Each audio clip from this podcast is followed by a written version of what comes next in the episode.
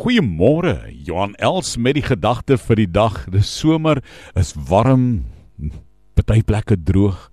En ek dink jy sal nou weet, veral as jy 'n landbouer is of 'n plaasarbeider is, wat dou beteken. Hosea 14 vers 6 praat van die dou in Israel.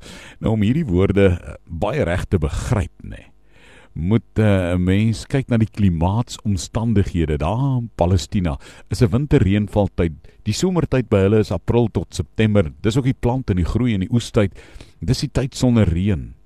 En die enigste bron van vogtigheid gedurende hierdie baie belangrike groeityd was die dou wat uh, uitgesak het. Vir die somergewasse soos die spanspekke en die mielies en die gras vir die diereweiding was die dou gedurende daai droë somermaande baie baie baie waardevol. En dit is so belangrik.